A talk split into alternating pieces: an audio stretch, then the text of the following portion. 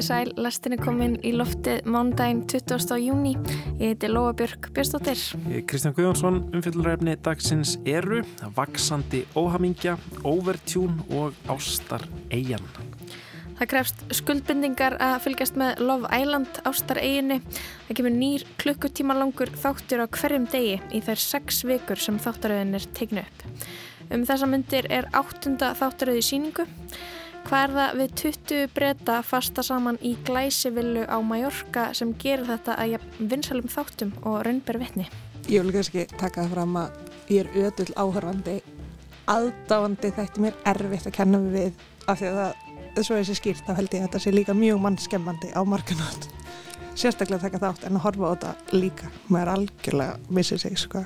Haldur Armand Áskersson, reytuundur, flyttir sinn annan pistil af þremur í lestin í sömar Þó við séum stödd á bjartasta tíma ársins þá er Haldur með hugan við nýlega konun Gallup sem sýnir vaksandi óhamingju í heiminum. Já, það er viða pottur brotin, miskipting, einmannarleiki og tíminn sem það tekur að laga innsláttarvillur. Meðgöngutími geitar er 145 dagar og við verjum vist sama tíma í að logga okkur inn í hluti í tölvum. Mánuðir hverfa í það að röfja upp líkilorð, skrifa þau vittlaust og búa til nýjum. Við ræðum um munin á tónlist og hljóðefni við Sigurd Áskir Árnason, framkvæmdastjóra nýsköpunafyrirtæki síns Overtune sem framlegir samnæmt app sem gerir taktlausum jafnt sem lagvissum kleift að búa til hljóðefni fyrir myndbönd á samfélagsmiðlum á örfáum sekundum.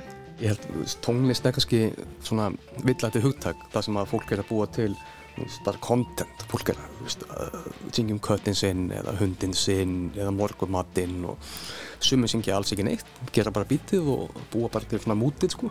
Og það er alls konar í þessu, það er mjög fáir inn á þessu sem að hafa reynd að búa til lög. En við ætlum að byrja á þættinum sem að allir er að horfa á, við ætlum að byrja á Love Island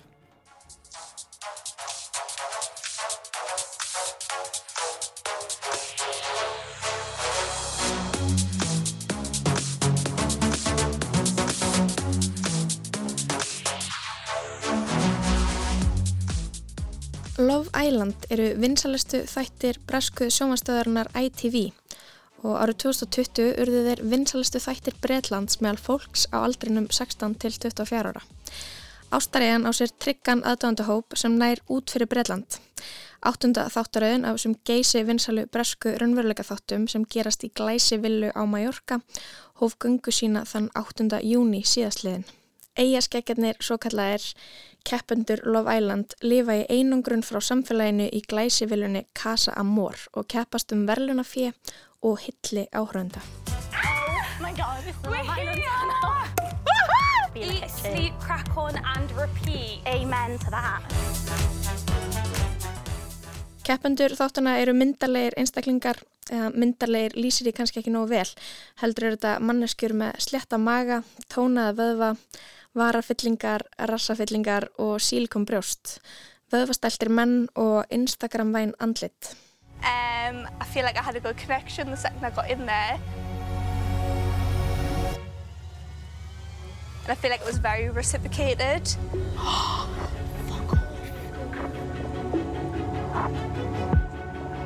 Who did you have a connection with?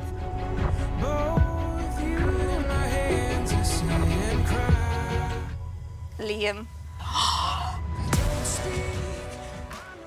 Það krefst skuldbindingar að fylgjast með þáttunum en síðan þeir hófust 8. júni hafa 13 þættir komið út. Í hverju serju eru 30 til 49 þættir á bylunu 20 til 40 keppendur til að fylgjast með og þættirnir teknir upp á 6 vikum. Þættirnir hafa líka sleiði gegn á Íslandi.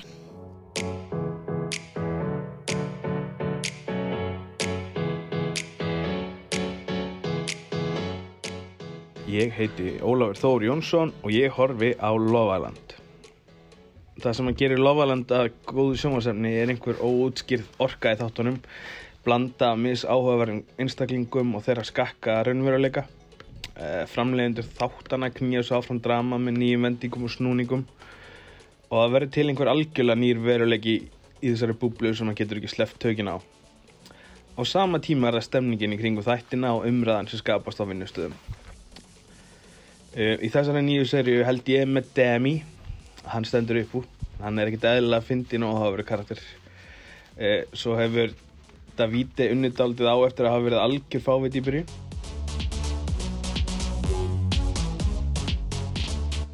Uh, ég heiti Ísak Einarsson og ég har Love Island því að það er fucking fyndið. Uh, núverandi seria er alltaf í upphaldi og ég held með Davide af því að hann er skrítinn kall.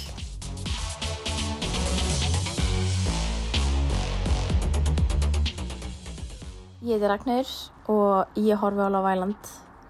Um, það sem það gerir Love Island að svona góðu sjónvarsefni er hvað þetta eru rugglar aðstæður sem þetta fólk er sett í. Það er bara um, sett inn í eitthvað hús og á svo að mynda eitthvað tengsl og svo kemur eitthvað annað fólk inn í og fólk er það búið að mynda tengsl við þar svo kannski að fara að mynda tengsl við þau og þau eru bara að fylgjast með því og svo er þetta svo óraunverulegur heimir fyrir mér en samt einhvern veginn svo mannlega samskipti og mér finnst það bara mjög gaman að fylgjast með því og svo er þetta bara oft mjög fyndnir þættir líka.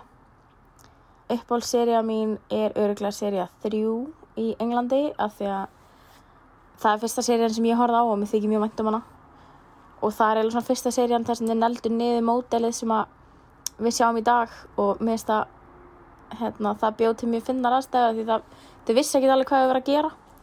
Fólki sem var í þáttunum þá.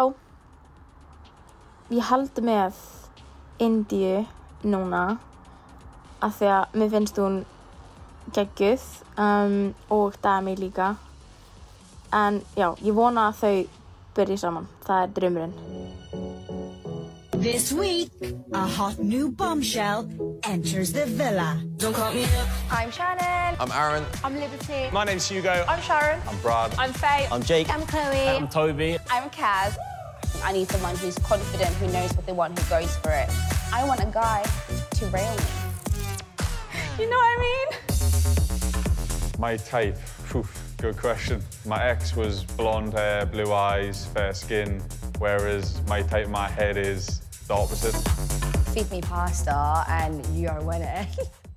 En það er ekki bara leikir, freyðvin og kossar á ástareginni, heldur hafa fjögur sjálfsvík átt sér stað hjá fólki tengdum þáttunum.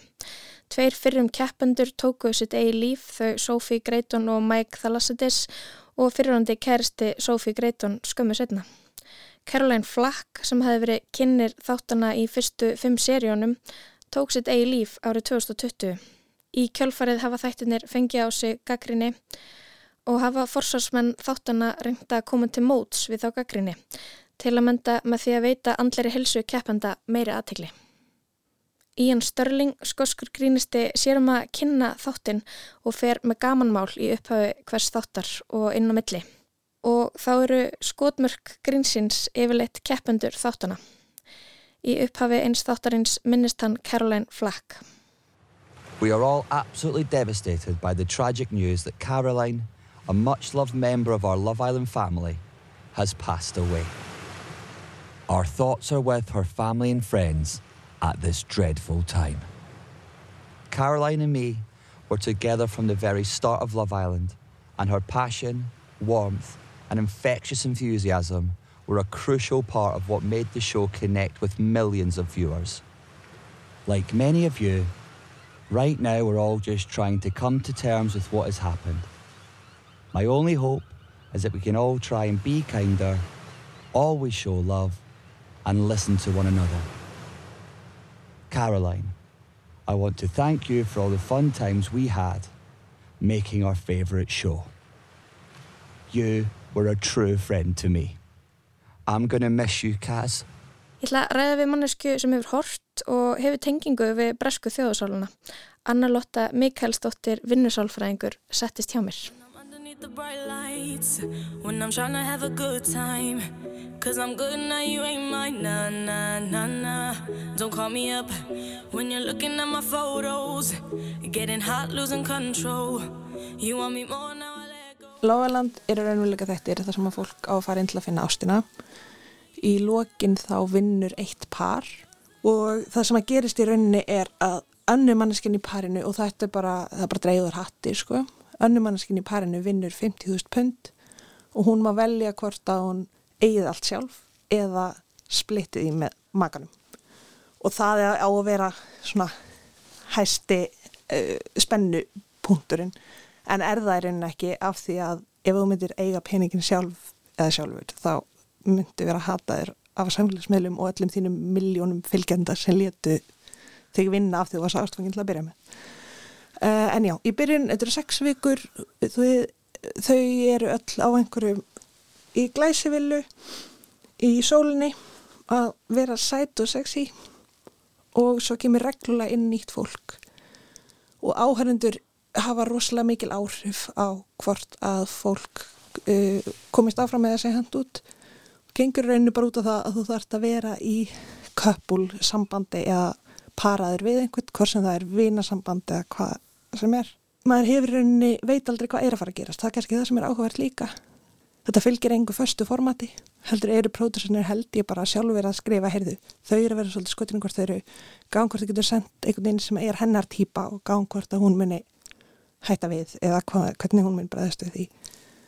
Leikirnir eru aðalega gerðið bara alltaf kynnta undir fólki. Þau snúast mjög mikið út á það að fara í sleik við einhvern sem að þú heldur að hafi sofið hjá svona mörgum. Þetta er mjög lág hérna uh, nær, já, lægstu kvötum mannfólks myndi ég segja. Mm -hmm. það er endalega streymi af fólki inn og út og lokamarkmiðið er eiginlega að finna ástina að sjálfsög hins vegar þá snýst þetta alveg mikið um samskipti allra innan hús þú veist að myndast rosalega falleg vinasambönd, strákahópar, stelpuhópar þú kemst ekkert áfram af því það er allt sínt og næstu því bara live svo gott sem.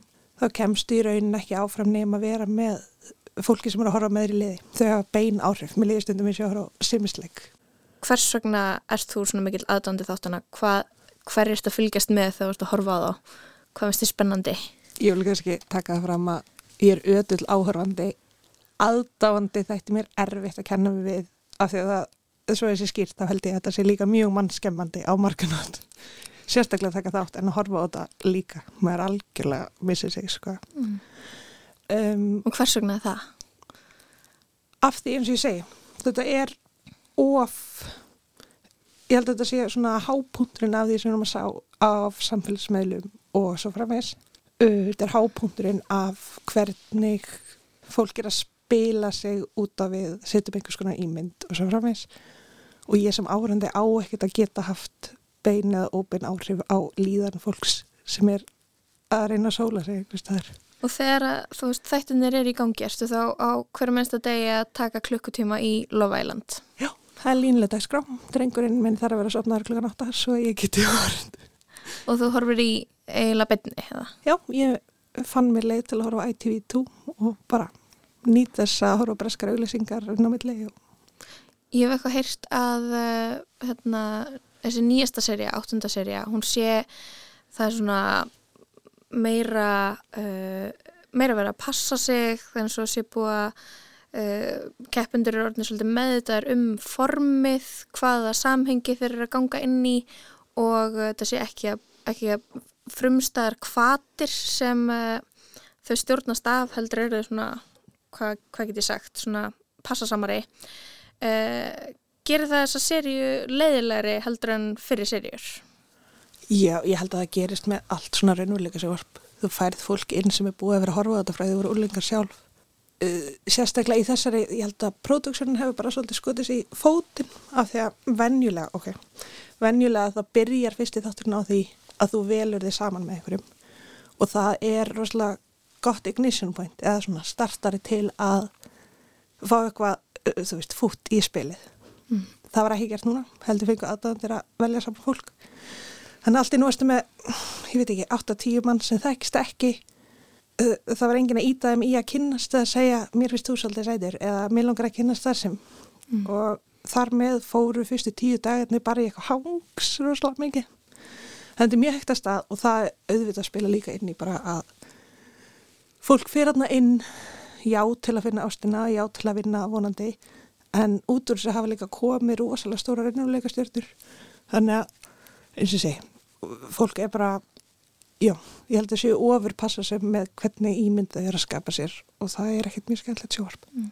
hvað er skemmtilegt við þess að þætti? Þú ert auðvitað búin að fara í nám í, í sálfræði og kannski óbeint eða beint svona einhvern veginn lest, lest þættina með þeim augum. Um, hvað fær fólk til að setjast niður í heila mánuð í klukkutíma og dag til að fylgjast með breskum jammurum, fá sér freyðvín, sleika tætnar á hvort öðru uh, og bara yfir höfu vera með eitthvað drama og eitthvað vesen hvað er svona skemmtilegt við þetta ef þú ættir að útskýra fyrir einhverjum sem hefur aldrei séð þettina Þetta spilar inn á legstu kvatir sem þú hefur sko.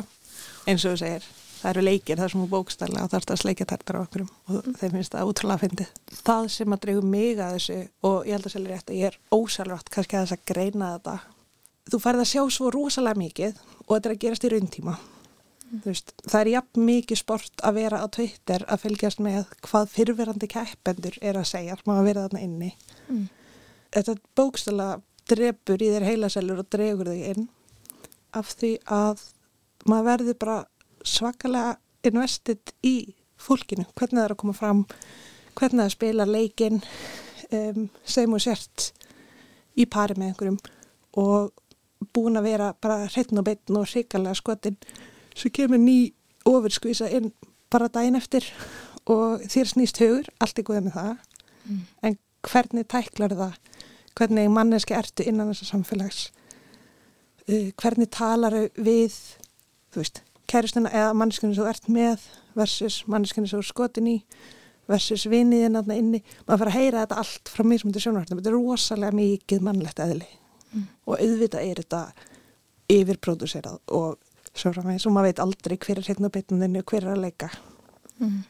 en manni finnst maður að geta séða af því að þetta er svo brjálega mikið efni mm -hmm.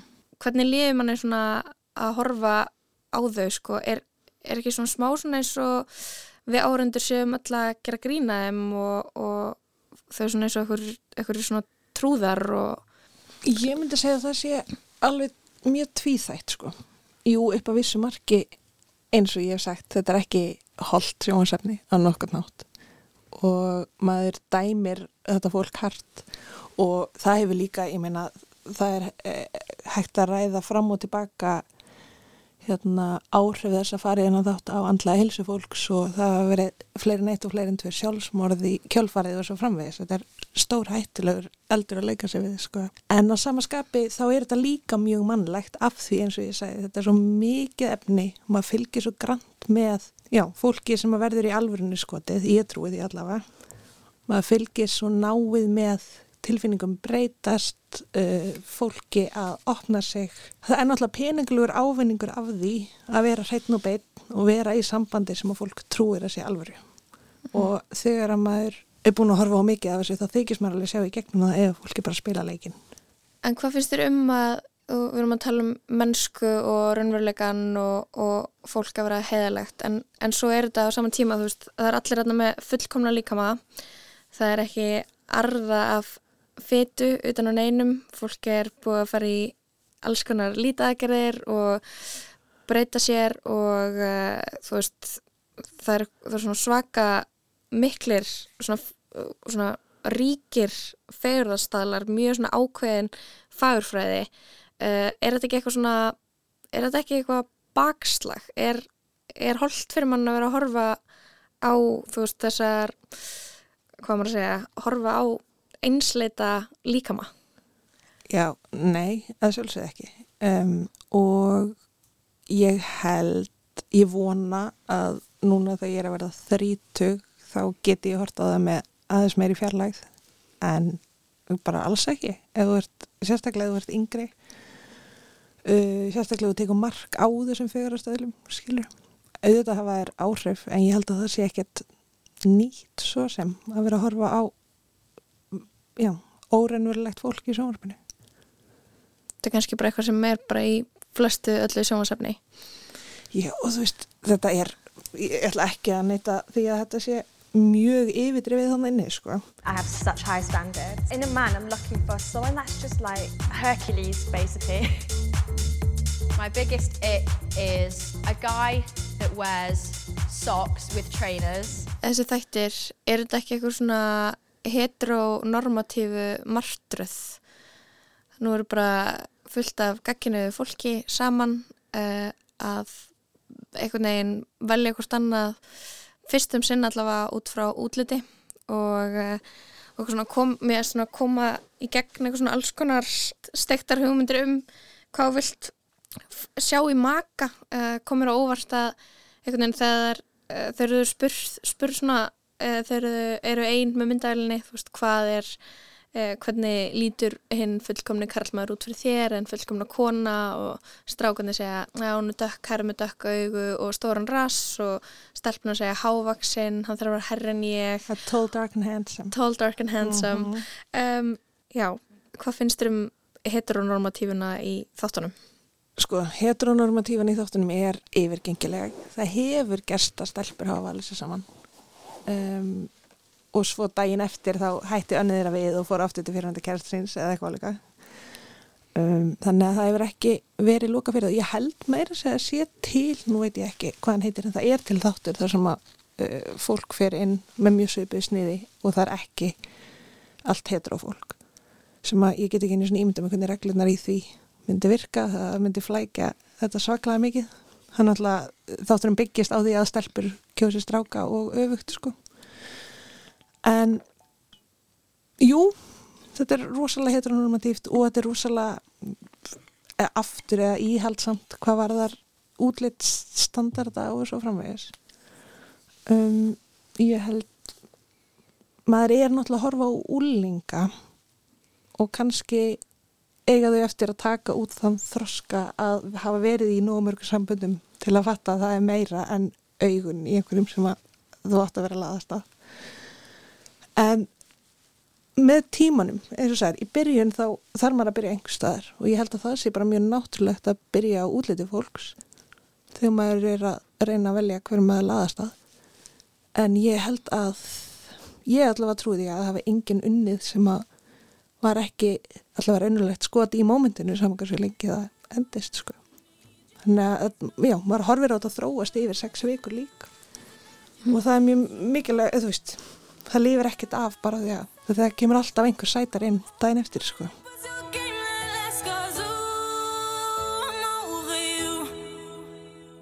Don't call me up, I'm going out tonight Feeling good now you're out of my life Don't wanna talk about us Gotta leave it behind. One drink and you're out of my mind. Not, not to get up. Baby, I'm on the high And you're alone going out of your mind. But I'm here up in the club. And I don't wanna talk. So don't call me up. Cause I'm here looking fine, babe. And I got eyes looking my way. And everybody's on my vibe, babe. Nah, nah, nah, nah. Don't call me up. My friend said you were a bad man. I should've listened to the back then And now you're trying to hit me up again. Nah, nah, nah, nah. I'm over you, and I don't need your lies no more. Cause the truth is without you, boy, I'm stronger. And I know you said that I'd change up a cold heart, but it was your game that last. Cause ooh, I'm over you. Don't call me up. I'm going out tonight. Ennsk, sænska tónlistakonan Mabel með lagi Don't Call Me Up. Við rættum þarna við önnu Lottu Mikkelsdóttur áhörnda Love Island. Það eru margir að horfa þetta. Já, þú ert ekki að horfa. Nei, ég hef ekki gert það. Um, Sko, já, ég veit ekki tegur svo rosalega langa tíma eitthvað að horfa á klukkutíma á dag. Já, það er það krefst gríðarlega skuldbindingar að setja sig inn í þessar raunveruleika þetta sko. það er líka það er kannski ekkert alltaf svakalega mikið í gangi í hverju minnst að þetta sko er fólk þá svolítið kannski með þetta bara, bara svona í bakgrunni svona rúlandi í sjónvarpinu og, og svo fólk kannski bara eitthvað elda eða í tölvurni eða símanum sínum eða eitthvað og með, með það horfir? Þetta er eitthvað svona hluturinn það sem þú veist með þú veist Love Island í gangi í tölvunni mm -hmm. og mhm. svo ertu í símanum líka og að reyna að tala við makan þetta er svona eitthvað allt, allt í gangi einu sjónvarstáttur En þú ert bara með þessa hálf berðsöðu kroppa á, á þessum hérna, fallegu villu þarna í Mallorca eitthvað á skjánum það er, svona, það er sjónrænt svona uh, þægilegt. Já, þetta er svona eins og ef Instagram væri sjónvastáttur. Mm, en ég er, enn, ég er svona, já, ég er ennþá einhvern veginn að reyna að skilja sko hvað gerir þetta að svona vinsalum þáttum og ég er líka að reyna að skilja hvaða áhrif það hefur á sálarlíf okkar og svona uh, tilfinningu okkar gagvart okkur sjálfum og gagvart uh, náunganum að vera að horfa á hverja einustu mínútu í lífi einhverja ókunnura mynda okkur síðan skoðun að því. Ég áttum ekki alveg að því sko. En Íslandingar líka komin einhvern veginn svolítið djúft inn í einhvern svona hvað ég var að segja, svona eh, einhvern breskan kultúr sem að, breskan alþýðu kultúr, skulum við segja. Já, það er mjög mikið, þetta eru mjög breskir þættir sko, það eru eitthvað frá Guernsey, það eru fólk frá Wales og Skotlandi og bara öllum fyrrum námubæjum Breitlands og náttúrulega alls konar frasar sem að Íslandingar hafa aldrei heyrt áður og um, já, ég held að sé, þetta er alveg svona er góð samfélagsstúdía að horfa, mm Mhm. horfa á þess að þætti sko, mannfæraði rannsókn. Einmitt. Um, en við ætlum að snú okkur að öðru Haldur Armand Áskjesson, reytumundur, er næstur á mælendaskrá. Hann er með hugan við hamingina.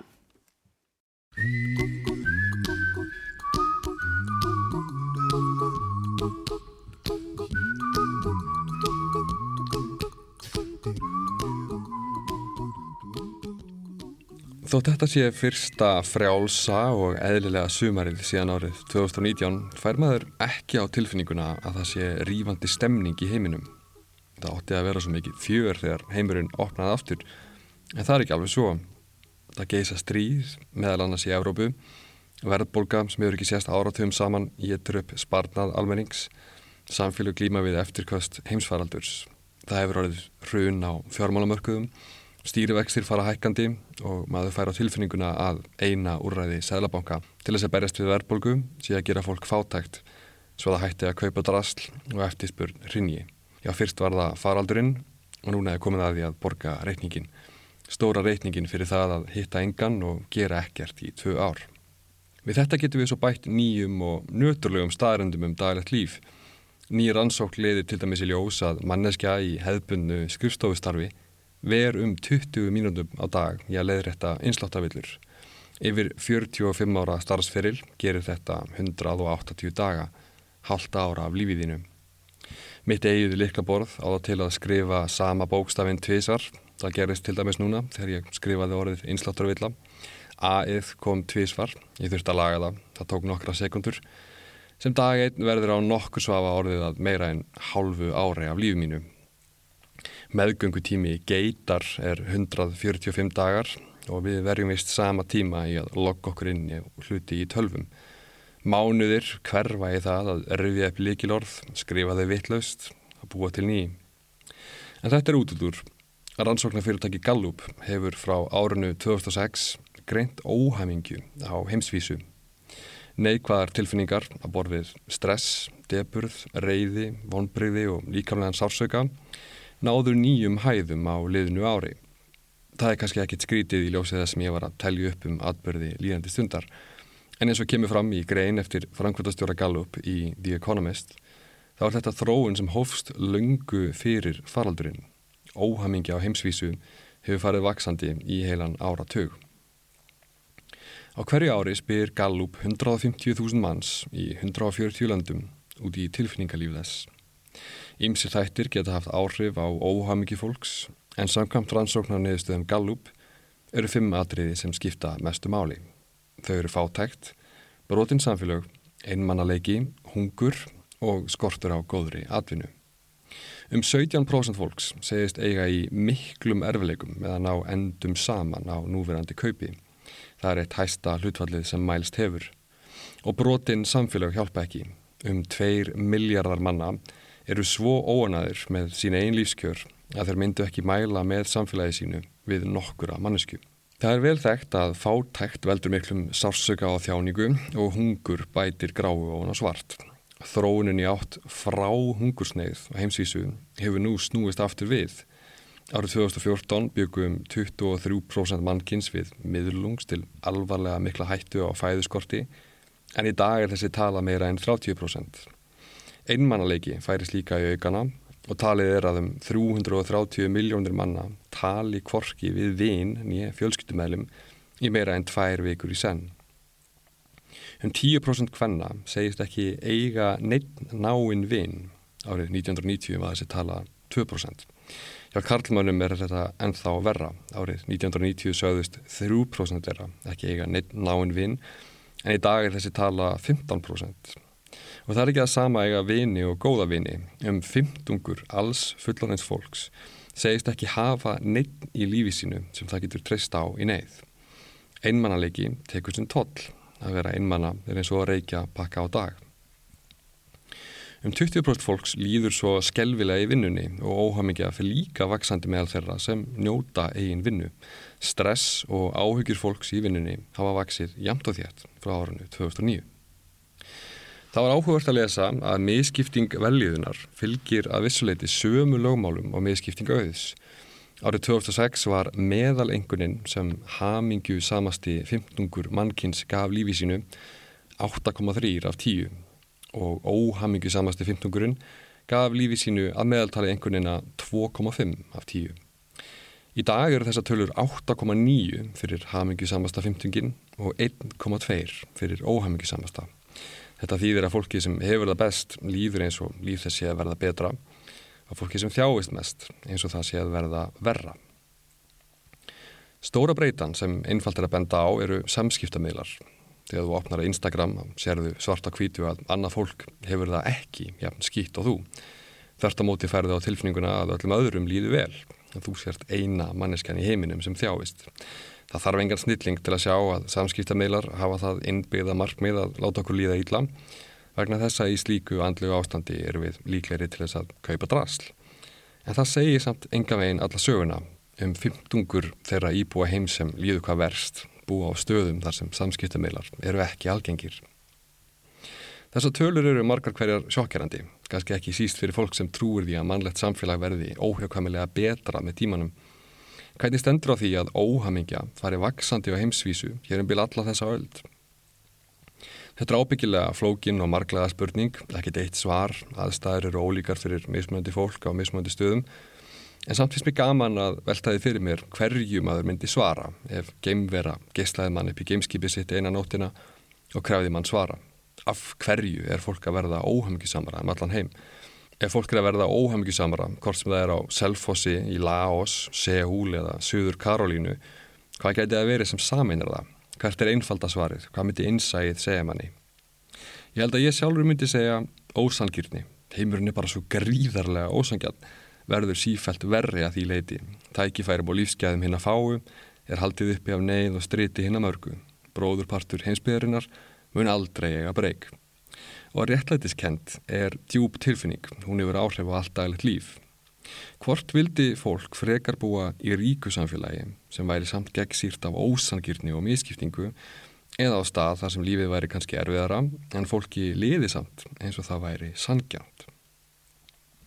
Þegar einhver dirfist að benda á hitt og þetta sem betur mætti fara í íslensku samfélagi eru ráðamenn og hagfræðingar þeirra yfirleitt fljótir að draga upp alls konar stöplaritt og segja að lífskjör hér á landi séu með þess besta sem þekkist á heimsvísu. Það eru öruglega alveg rétt en það breytiði samt ekki að Ísland er samt sem áður mjög ósangjant samfélag þar sem ráðamenn eiga aflandsfélög í skattaskjólum, ákveðnir hópar fá allt upp í hendunar en aðrir með að geta það sem út í frís eða minnstakosti streyta allæfi fyrir sama okkin eitt og upplifun fólks af lífinu er ekki svo yfirbúrskend að einhver stöplarít breytinni. Þess vegna trú ég því sjálfur alveg að fólk geti orðið óhamingjusamara á staðan eins og Íslandi á sama tíma og lífskjör þess skána mögulega. Skiptir ekki máli þótt lífskjör þín séu kannski aðeins betri ef þú gengur samt með þá tilfinningu í maðunum að það sé verið að hafa þig að fýbli. Fólk er því óhamingjusamt í sjálfum aldingarðinum í eten ef það hefði á tilfinningunni að lífið þar væri ósangjant. Here's a little song I wrote. You might want to sing it note for note. Don't worry. Be happy. In every life we have some trouble. But when you worry you make it double. Don't worry. Be happy Don't worry, be happy now.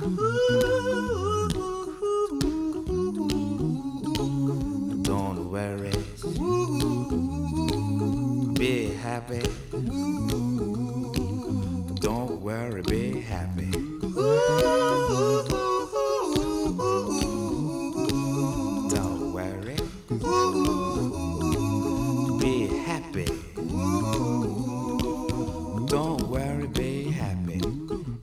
Ain't got no place to lay your head. Somebody came and took your bed. Don't worry. Be happy. The landlord say your rent is late. He may have to litigate. But don't worry. Be happy. Look at me, I'm happy.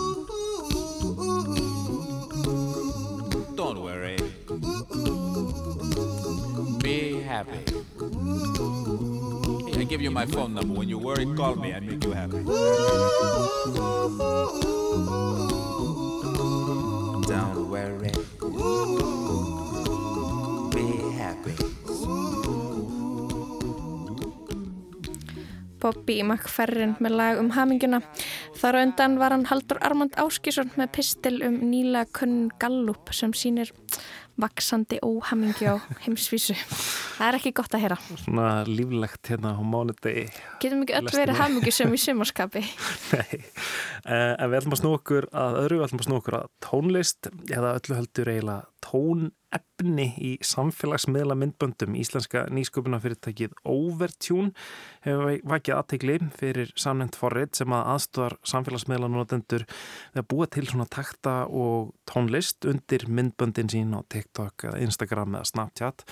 Sigurður Ásker Árnason, frækandastjóri fyrirtækisins, hefur áður gert Garðin Frægan sem tónlistamæður sjálfur en hann hefur líka velt fyrir sér eðli og framtíð tónlistar á tím internetsins og ég settist niður með Sigga fyrir dag í stúdíu 0 hérna í efstaleitinu sem er falið svona djúft inn í, inn í húsinu og það er svona allt teppalagt og mjög hugulegt og Sigurður fór bara úr skónum og vildi endilega svona gera þetta sem hugulegast.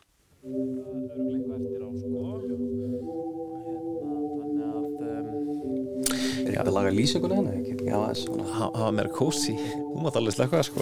Ekki slökka, það er ekki hægt að... Þetta er fyrir. Minga hvað aðeins. Hvað? Það er ekki svona mikið, sko. Já. Þetta er, sko, það er þetta sér. Þú taka svona? Já. Búið að dimma ljósin. Ég hef þetta aldrei verið svona menningar rás eitt spjalli. Þannig að þetta er fyrsta sinn. Stúkislega gott. Herðu, Siggi, viltu kannski byrja á því að segja bara í mikrofónin hvað þú heitir og um, hvað þú gerir? Já, ég heiti Sigurður Áskar Jónsson og ég er framkvæmdastjóri uh, Overtune. Hvað er Overtune? Já, sagt með Overtune það sagt leifir uh, þessum svona hverstagsnotanda það er svona svona content creator að búa til tónefni og vídeo og hendur hennar samfélagsmiðla. Þannig að núna, þú veist, til að búa til tónefni þá þarf það að kunna inn á tónlist til þú og kannski auðvitað þessa leiðin í dag er að nota uh, svona plattforma eins og til dæmis gærasband sem, sem, sem út ekki líklega en það var alltaf verið við tölvu sko. Þetta er algjörlega mobile sko. Þetta er svo tanna fyrir uh, Apple síma sem þú setur saman beat saman og þú syngur yfir með svona rauntíma tónjöfnunar eiginleikum til, eins og sko til dæmis autotune og annað slikt, setja ykkur í vídeo og það getur hendin á annarkvort autotune eða þá enn á samfélagsmennar eins og TikTok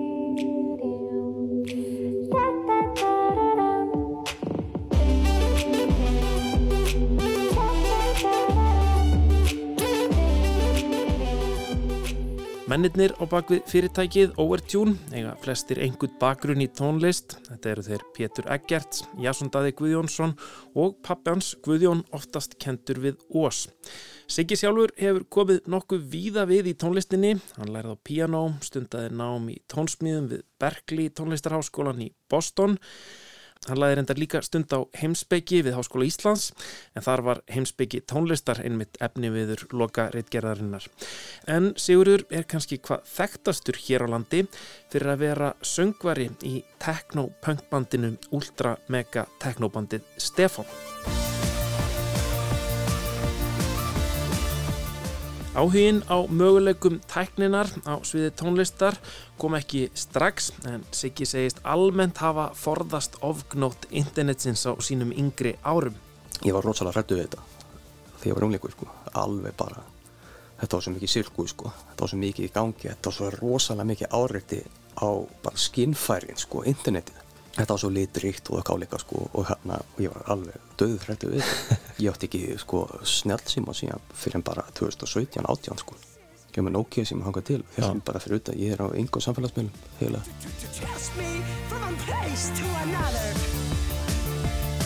Mission Nutrient Star. Gracias En þetta ofhlæði internetsins var þó einmitt eitt viðfangsefni og kannski hluti af heildar hugmyndina á bakvið hljómsveitina Ultramega teknobandið Stefan á sínum tíma. Hvernig myndi interneti hljóma ef þetta væri veist, hljómsveit, ef þetta væri atriði sko? Hvað myndi þetta verða ef þetta væri alveg klikkað veist, frá skjánum yfir í sko raunveruleikan sko?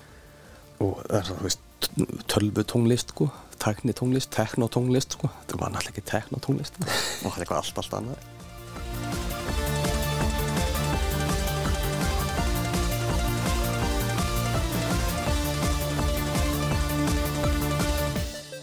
Ég er í einhver tíma búin að vera rættur við þessa svona glamurvæðingu samfélagsmiðla. Og við kallum þetta glamurvæðingu því að það er ekkert allir alltaf frábærir veist, það er ekkert mm. allir alltaf í góðu skapi veist, það er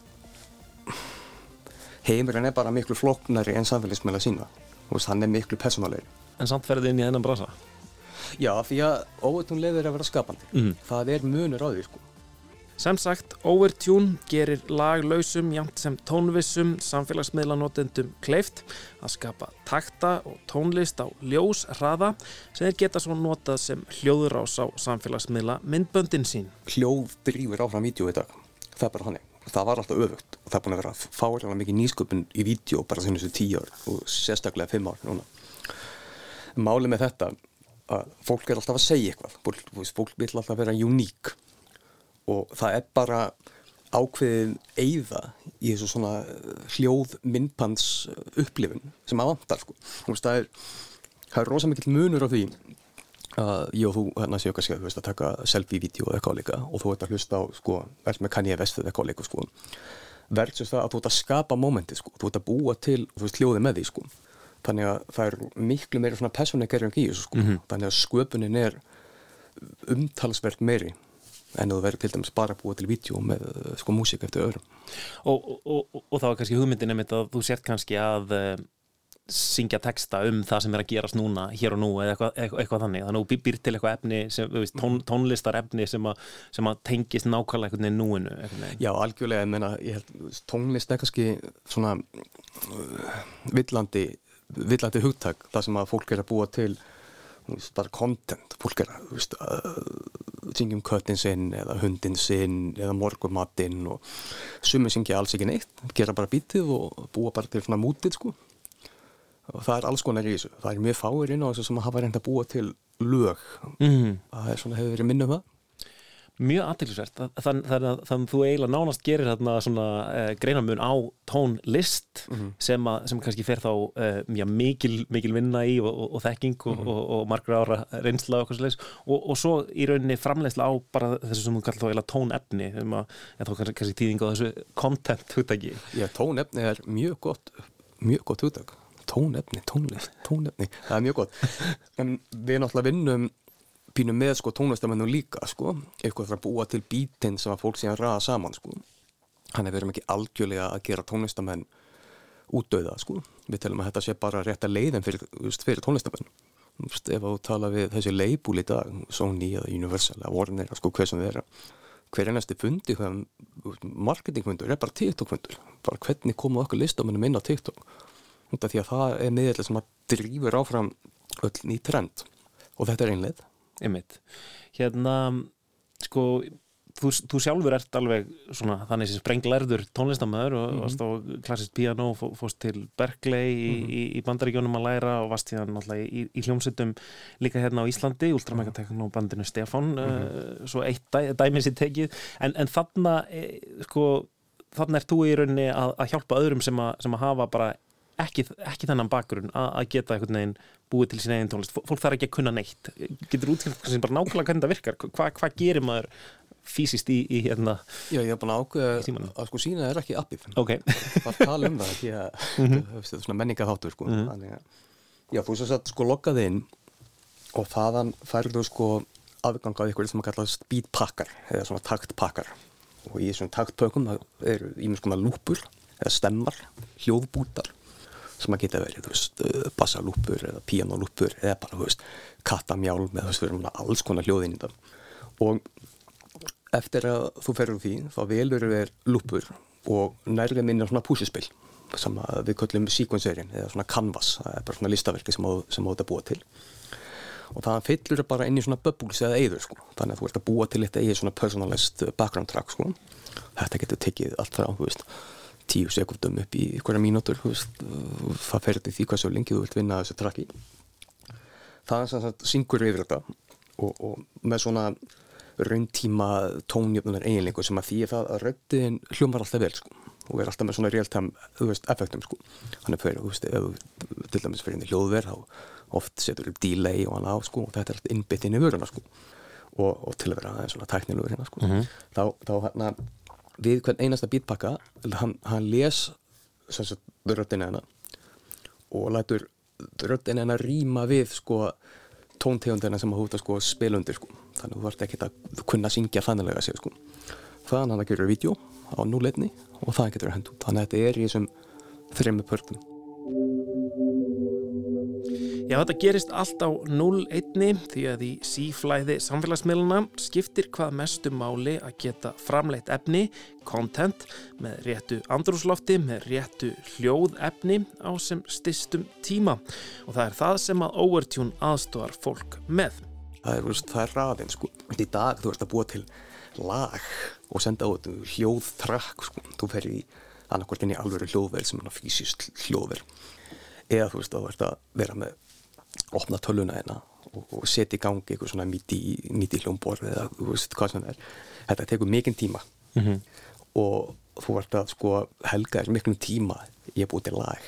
Og þegar búin að búa til lag þá tekur annar þá er þetta lótið svona Spotify og lótið svona þetta og það getur tekið þú veist, daga jafnvel sko, þú getur ímyndað að það er að taka upp sko TikTok eða Snapchat eða Reels eða sko hvað sem að vera og þú væri sko búin að eigða hérna einhverjum dögum ég búa til eitthvað eitt sko að vídeo sko og sem myndi sko, myndi sko fórögn að segja að nú er, núna bara skaltu býða Mhm.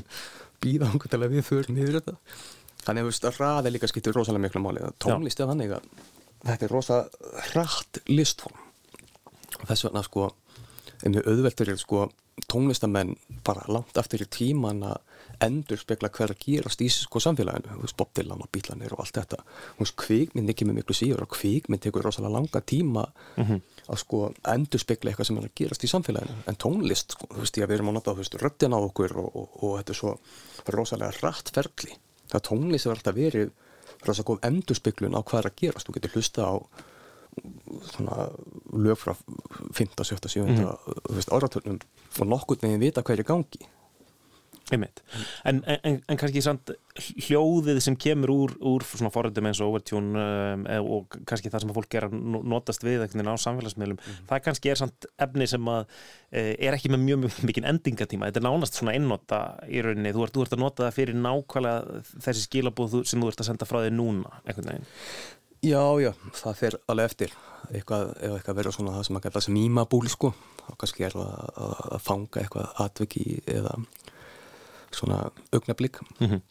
og þú ert að þú ert að með eitthvað samfélags umræður tengt í sko og það getur verið að lifa eitthvað tíma, jújú, jú, eins og þú segir oft er þetta bara eitthvað sem þú sendur á félagin og það hefur bara hennan endinga tíma eitt sko sér það sko, oft hendur þið út og okkur annar nota það og Mhm. hermir eftir og það getur í Einmitt. gangi Em- að- þetta er svolítið aðtilsvægt, það var lengi talað um að, að hlutverk ljósmyndarinnar væri eiginlega sko að varðveita augnablík til frambúðar, svona frista eitthvað eitthva, eitthva augnablík og eiga það í framtíðinni og njóta þess aftur. En ég held að hlutverk sko mynda í dag er orðið sko nánast bara eins og orðin sem að ég er að veist, segja við þig núna, þeim bara einhvern veginn að miðla upplýsingum í núinu uh, bara nákvæmlega á sekundinu sem að ég tek myndina og sendi á alla vini mína og, og þeir eru þá kannski að gera það varðandi hljóðið að, að gera okkur kleift að, að nota tónlist á þennan hátt sko. Já, þetta er bara ágættis pæling með ljósmyndina áður en að Instagram kemur þá, sko, sko þegar Instagram kemur þá verða ljósmyndar alveg brjálaði sko.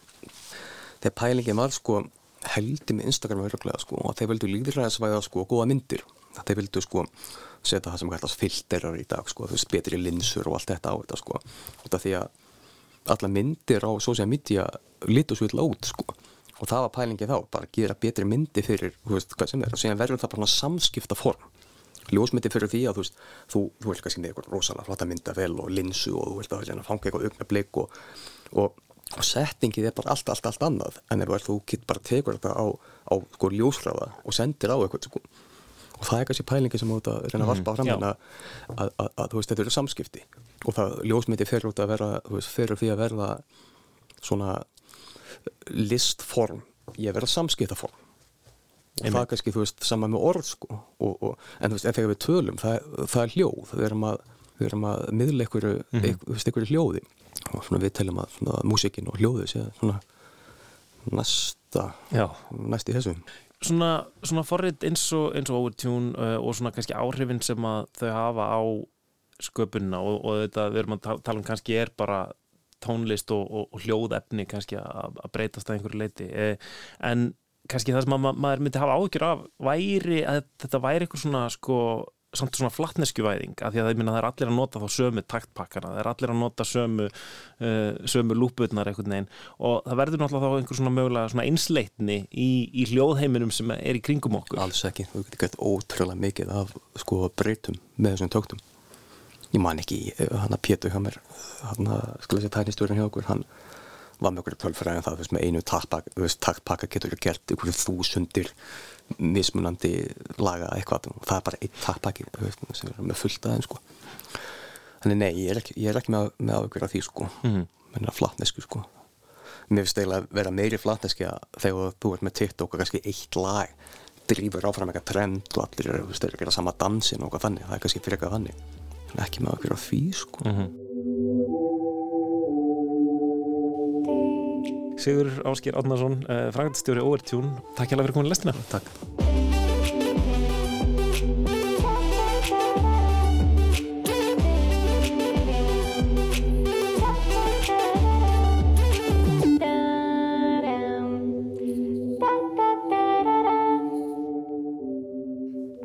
Tónlist sköpuð í forrættinu Overtune en það var Sigurður Ásker Árnason frangandastjóri fyrirtækisins sem að sagði frá, já aðteglisvert hvernig tónlistin er orðin einhvern veginn svona bakgrunnsfyrirbæri í myndböndum og um, já, fólk þarf að búa til sem hraðast þetta hljóðefni á myndböndin sín Hefur þú notað þetta, Róða? Nei, ég hef ekki notað þetta En við, við hlóðum þessu niður í dag og aðeins að, aðeins að prófa okkur áfram með þetta.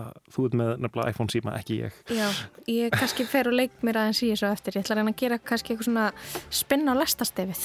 Ú, það er alveg skemmtilegt. Prófum það. Já, en lestin verður ekki lengri í dag. Við Kristján og Lóa verum hér aftur á morgun. Tæknumæður var Lítiða Gretastóttir. Verðið sæl.